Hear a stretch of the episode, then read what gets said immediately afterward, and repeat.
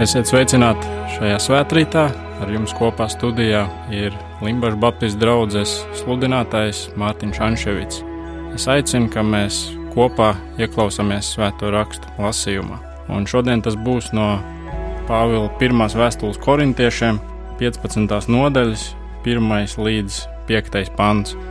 Un tur ir rakstīts šādi vārdi: Brāļi, es jums atgādinu evaņģēliju, ko jums jau esmu pasludinājis ko jūs esat dabūjuši un kurā jūs arī stāvat, kas jums arī dod pestīšanu, ja jūs to paturat tādā veidā, kā es jums to pasludināju. Citādi jūs būtu velti kļuvuši ticīgi. Jo es jums vispirms esmu mācījis, ko es pats saņēmu, ka Kristus ir miris par mūsu grēkiem pēc rakstiem, un ka viņš aprakts un trešajā dienā augšām cēlies pēc rakstiem un ka viņš ir parādījies Kēfam un pēc tam tiem 12. Amen!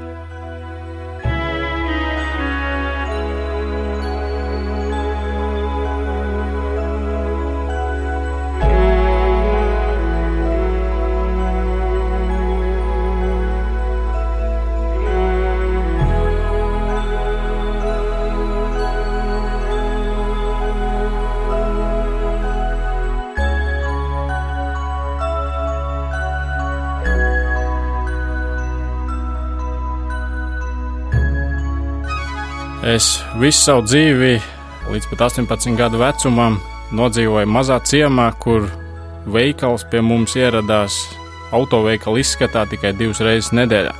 Tāpēc, kā jau laukos pienākās, mēs ēdām dabīgas lietas. Bija dabīgs govs piens, dabīgs krējums, dabīgs siers. Tomēr pēc kāda laika tētis sāka vairāk iepirkties veikalā, un kādā dienā viņš bija uztaisījis pusdienas, Un tad viņš man teica, kā dēlam, pieliec pie zupas krējumu. Redzot, ka krējums šķīvi kļūst tāds neierasts kunkuļains, es prasīju tētim, kas tas ir. Un atbildi viņš man sniedza, redzi, dēls, tas ir krējuma izstrādājums. Un vēl pēc kāda laika es jau jūtu, ka tēvs kļūst smaidīgs, un viņš jau domā, kas ar mani notiek, un viņš man dod vēl vienu tādu mājienu. Viņš saka, ka apēd siermaizi, es te uztaisīju. Un viņš jau ļoti sāk smieties, un es prasīju, kas tas ir. Un tad viņš man ar smaidu uz lūpām atbildēja, tas ir siera izstrādājums. Un kad jau es biju diezgan sapīts par savām pusdienām, tad tēvs teica, varbūt uzdzer pienu. Un jūtot, ka mutē man kaut kas ūdeņains, es prasīju, kas tad tas ir. Un atbild man tēvs teica, turpmāk šo mums nāksies saukt par pienu. Un uh, sākumā man diezgan mocīja jautājumu, tad tas ir siers vai tas nav, vai tas ir krējums vai tas nav, vai tas ir piens vai nav. It kā ir, bet tomēr kaut kas ar to nav labi. Un šodien šo raksturvietu, ko mēs nolasījām, man šķiet, tur ir kāda dziļa līdzība ar to, ko es stāstīju no savas dzīves. Es gribu vērst jūsu uzmanību uz tikko nolasītās raksturvietas pirmajiem diviem pantiem un tur bija rakstīts: Brāļi, es jums atgādinu evaņģēliju, ko jums jau esmu pasludinājis, ko jūs esat dabūjuši un kurā jūs arī stāvat, kas jums dod pestīšanu, ja jūs to paturat tādā veidā, kā es jums to pasludināju. Citādi jūs būtu vēl tik kļuvuši ticīgi. Pāvils Korintas draudzēji atgādināja evaņģēliju, kuru viņš pats saņēma no Dieva un kuru viņš bija teicis Korintas draudzēji evaņģēlis tādā tiešā tulkojumā ir labā vēsts. Un visbiežāk šo vēstu mēs apskatām lieldienās, bet man šķiet, tā ir katras dienas vēsts, ar ko katram cilvēkam būtu jāsteigā. Labā vēsts par Jēzu Kristu, tas ir evaņģēlijs. Pāvils arī šeit raksta, ka evaņģēlijs cilvēkiem dod pestīšanu, jeb glābšanu. Un tad tāds liels uzsvars uz to, ka tikai tādā gadījumā, ja tas tiek paturēts tāds, kā viņš sākumā tika pasludināts. Tāds, kādu Pāvils to saņēma no Dieva. Un redzēt, šeit ir pirmā norāda uz to, ka pastāv iespēja, ka cilvēkiem var tikt sludināts nevis tīrs, skaidrs un pilnīgs evaņģēlijs, bet gan evaņģēlija izstrādājums, tāpat kā krējums, siers vai piens, it kā tiek saukts par evaņģēliju, it kā ir, bet tomēr kaut kas ar to nav labi. Un Pāvils šeit atgādina, kāds tad ir īsts, tīrs, nepiesārņots evaņģēlijs, bez piejaukumiem, kuru viņš saņēma no dieva un kurš cilvēkiem spēj dot glābšanu. Un tad pirmā lieta, ko Pāvils saka par to, kas ir evaņģēlijs, mēs lasījām, Kristus ir miris pār mūsu grēkiem pēc rakstiem. Jēzus pie krusta nenomira tāpat vien, viņš nomira tavu, manu un mūsu visu cilvēku grēku dēļ. Dievs zināja, ka, lai uzvarētu grēku, grēkam ir jānomirst. Tāpat Dievs zināja, ka, lai viņš varētu iznīcināt šos cilvēku grēkus, kas bija kļuvuši ļoti daudz, un tos piedot, vispirms viņam pašam ir jākļūst par cilvēku, jo grēcīgi cilvēki grēku nespēja uzvarēt. Tāpēc arī nāca Jēzus Kristus, Dieva dēls, lai visu cilvēku grēkus paņemtu uz sevi un kopā ar šiem grēkiem nomirt pie krusta lai cilvēkiem būtu grēku piedošana. Turklāt tur ir teikts, ka Kristus ir miris par mūsu grēkiem pēc rakstiem. Tas nozīmē, ka Jēzus, mirstot mūsu visu grēku dēļ, ir piepildījis to, ko iepriekš Dievs bija apsolījis, ka tā būs, un kas vecajā derībā jau bija daudz aprakstīts.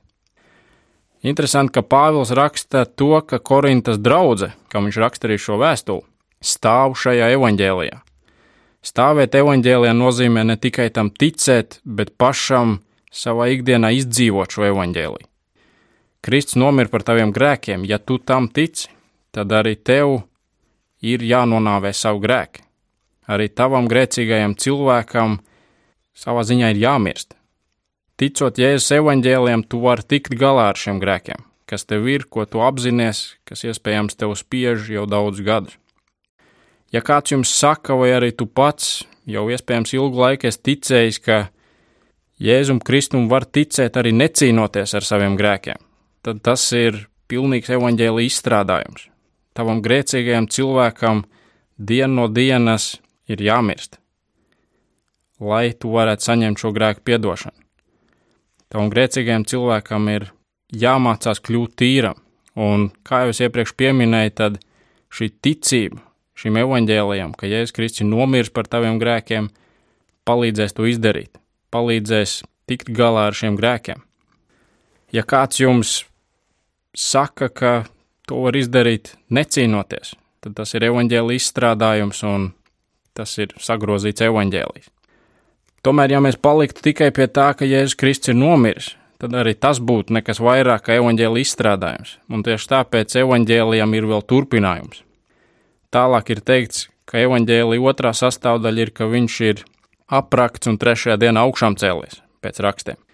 Dievs zināja, ka ja Jēzus nomirs kopā ar mūsu grēkiem, tad patiesībā grēks būs uzvarējis, un Jēzus būs bijis tikai viens no daudzajiem varoņiem, kas neko paliekoši nebūs atstājis uz zemes. Tāpēc sekoja šī augšām celšanās. Augšām celšanās fakts parāda, ka Jēzus uzvarēja grēku un nāvi, to, ko mēs ar saviem spēkiem nespējam izdarīt. Ja Jēzus būtu nomiris, bet nebūtu augšām celšanās, tad mēs šodien nevarētu runāt par grēku piedošanu, par brīvību no grēka, par tīru sirdsapziņu. Turklāt arī šī augšām celšanās notika tieši pēc rakstiem. Kristus piepildīja to, ko Dievs apsolīja, ka grēks tiks uzvarēts, un šī augšām celšanās ir šis uzvaras fakts. Ja tu tici, ka Jēzus ir arī miris un augšām cēlies, uzvarot tavu grēku, tad arī tu vari piedzīvot augšām celšanos savā dzīvē.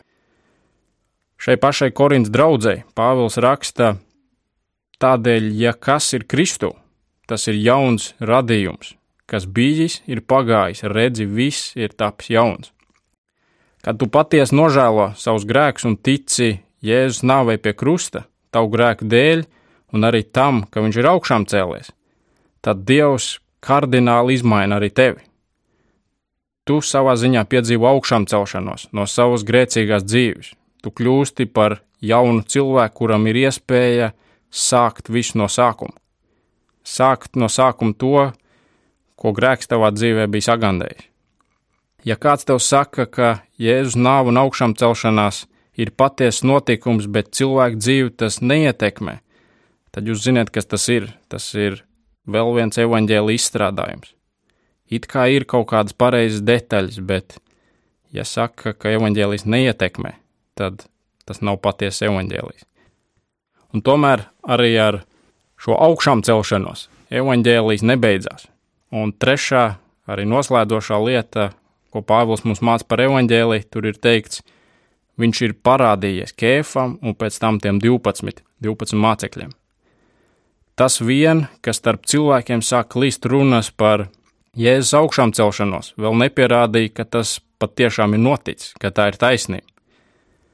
Tādēļ Jēzum vajadzēja pēc augšām celšanās parādīties cilvēkiem, lai tas kalpot kā neapgāžams pierādījums, ka Jēzus uzmodās no nāves. Un tāpat ir ar tevi, kad ticībā Jēzus Kristus nāvei par saviem grēkiem un tam, ka viņš ir augšām cēlies. Tad, kad Dievs tevi ir izveidojis par jaunu cilvēku, tad tam kaut kādā veidā ir jāparādās.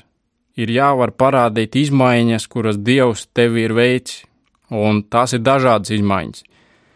Izmaiņas tavā vērtības kalā, kas ir tavs vērtības, tavā domāšanā, tavā rīcībā, kādas izmaiņas Dievs ir veicis tajā, kā tu meklē Dievu. Ja kāds tev saka, ka galvenais jau ir ticēt un, piemēram, nokristīties, tad tas atkal ir evaņģēla izstrādājums, ir jāparādās Kristum tavā dzīvē. Kad svešs cilvēks tevi satiek, vai viņš redz Kristu. Iespējams, ka daudziem no jums dzīves laikā ir nācies dzirdēt tikai šādus evaņģēla izstrādājumus, bet atcerieties galveno evaņģēliju, šīs trīs lietas. Kristus ir miris par taviem grēkiem pēc rakstiem, aprakts trešajā dienā augšām cēlies pēc rakstiem un parādījies kēfam un pēc tam tiem 12. Šīs trīs lietas - miris, augšām cēlies un parādījies. To arī šis Dieva vārds aicina mūs izdzīvot. Pirmkārt, ticēt šim evaņģēlijam, tādam, kāds viņš šeit ir aprakstīts, un otrkārt, izdzīvot to. Un, ja tu jau tici šādam evaņģēlijam, tad tev šodien ir svarīgs jautājums, kādas izmaiņas tavā ikdienā šobrīd ir veicis šis evaņģēlijs. Kas tavā ikdienā praktiski notiek, kas mainās? Savukārt, ja tu esi šeit, tu klausies šo uzrunu un tu netici šai evaņģēlī vēstī, tad uzdod arī sev vienkārši jautājumu: kāpēc? Kāpēc es negribu pieņemt brīvību no saviem grēkiem? Šo atbrīvošanu, tīru sirdsapziņu. Kāpēc? Un es no sirds ticu, ka evaņģēlī vēsts ir tā, kas izmaina, kas izmaina kādu salauztu cilvēku un kam ir spēks arī to izdarīt. Ir daudzi veidi, kā bieži vien cilvēki mēģina atbrīvot savu sirdsapziņu, dabūt tīru, bet evaņģēlis ir tas, kam ir spēks to izdarīt. Un pat ja tu vēl nespēji noticēt šādam evaņģēlijam, tad turpini meklēt atbildes uz šiem jautājumiem. Un es ticu, ka lūdzot Dievu, tu atradīsi un Jēzus Kristus palīdzēs tev noticēt šai vēstī. Es aicinu, ka mēs katrs šodien apskatāmies paši uz sevi. Kādas izmaiņas tavā ikdienā ir veids evaņģēlijas, un ja tu tam netici, tad kāpēc es negribu pieņemt šo brīvību no grēkiem? Un es aicinu, ka mēs kopīgi arī noslēdzam šo svētrīt ar lūkšanu.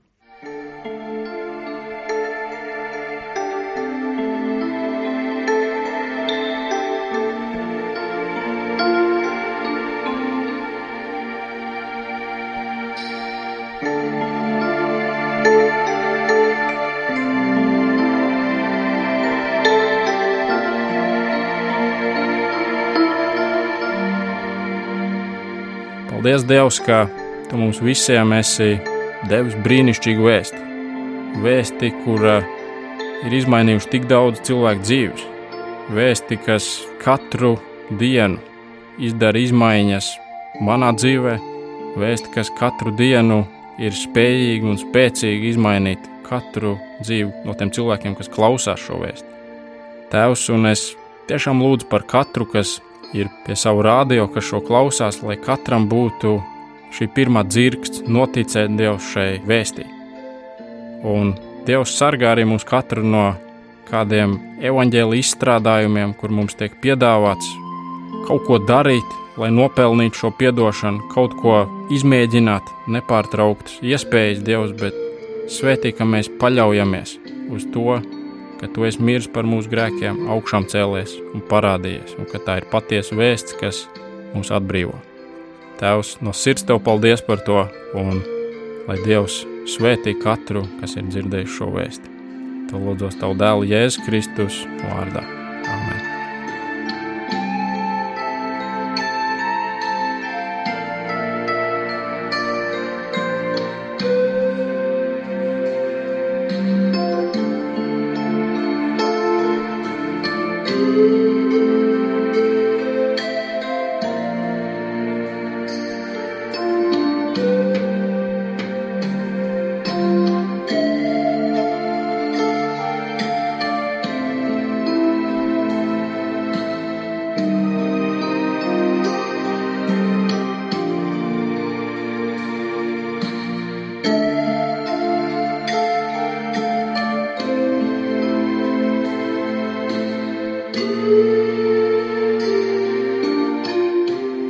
Ar jums šodien bija kopā Limbaģa Baptistu draugs sludinātājs Mārtiņš Anševits.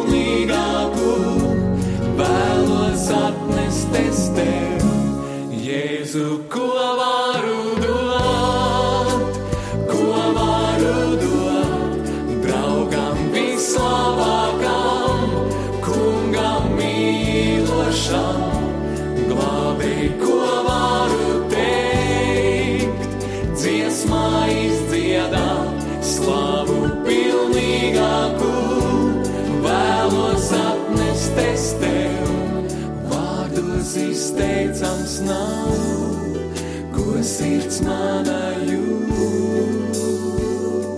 Savu pateicību, kungs, es pienesu tev. Vārdos izteicams nav, ko sirds mana jūt.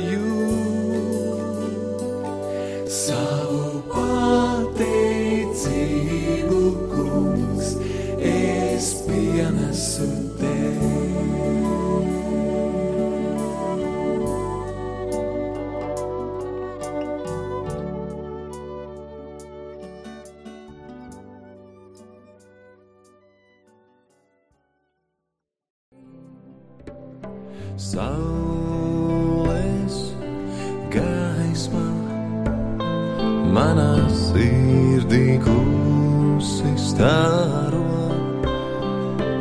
vējā svaigums paceļ mani mīlestībā.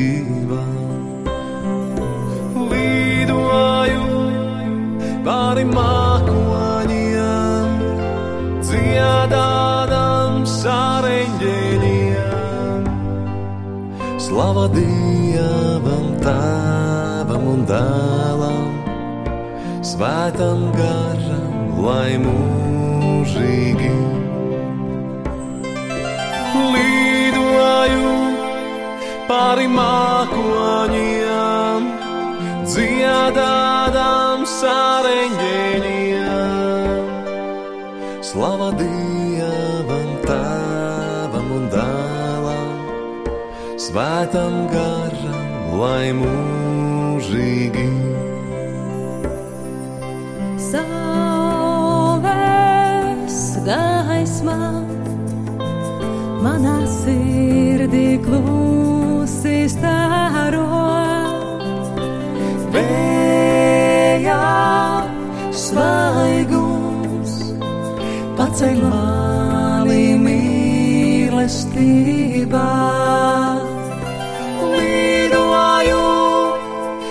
Pāri mākoņiem, dziedādām sāreņģēļiem. Slava Dievam, Tēvam un Dēlam, Svētam garam, lai mūžīgi. Lidoju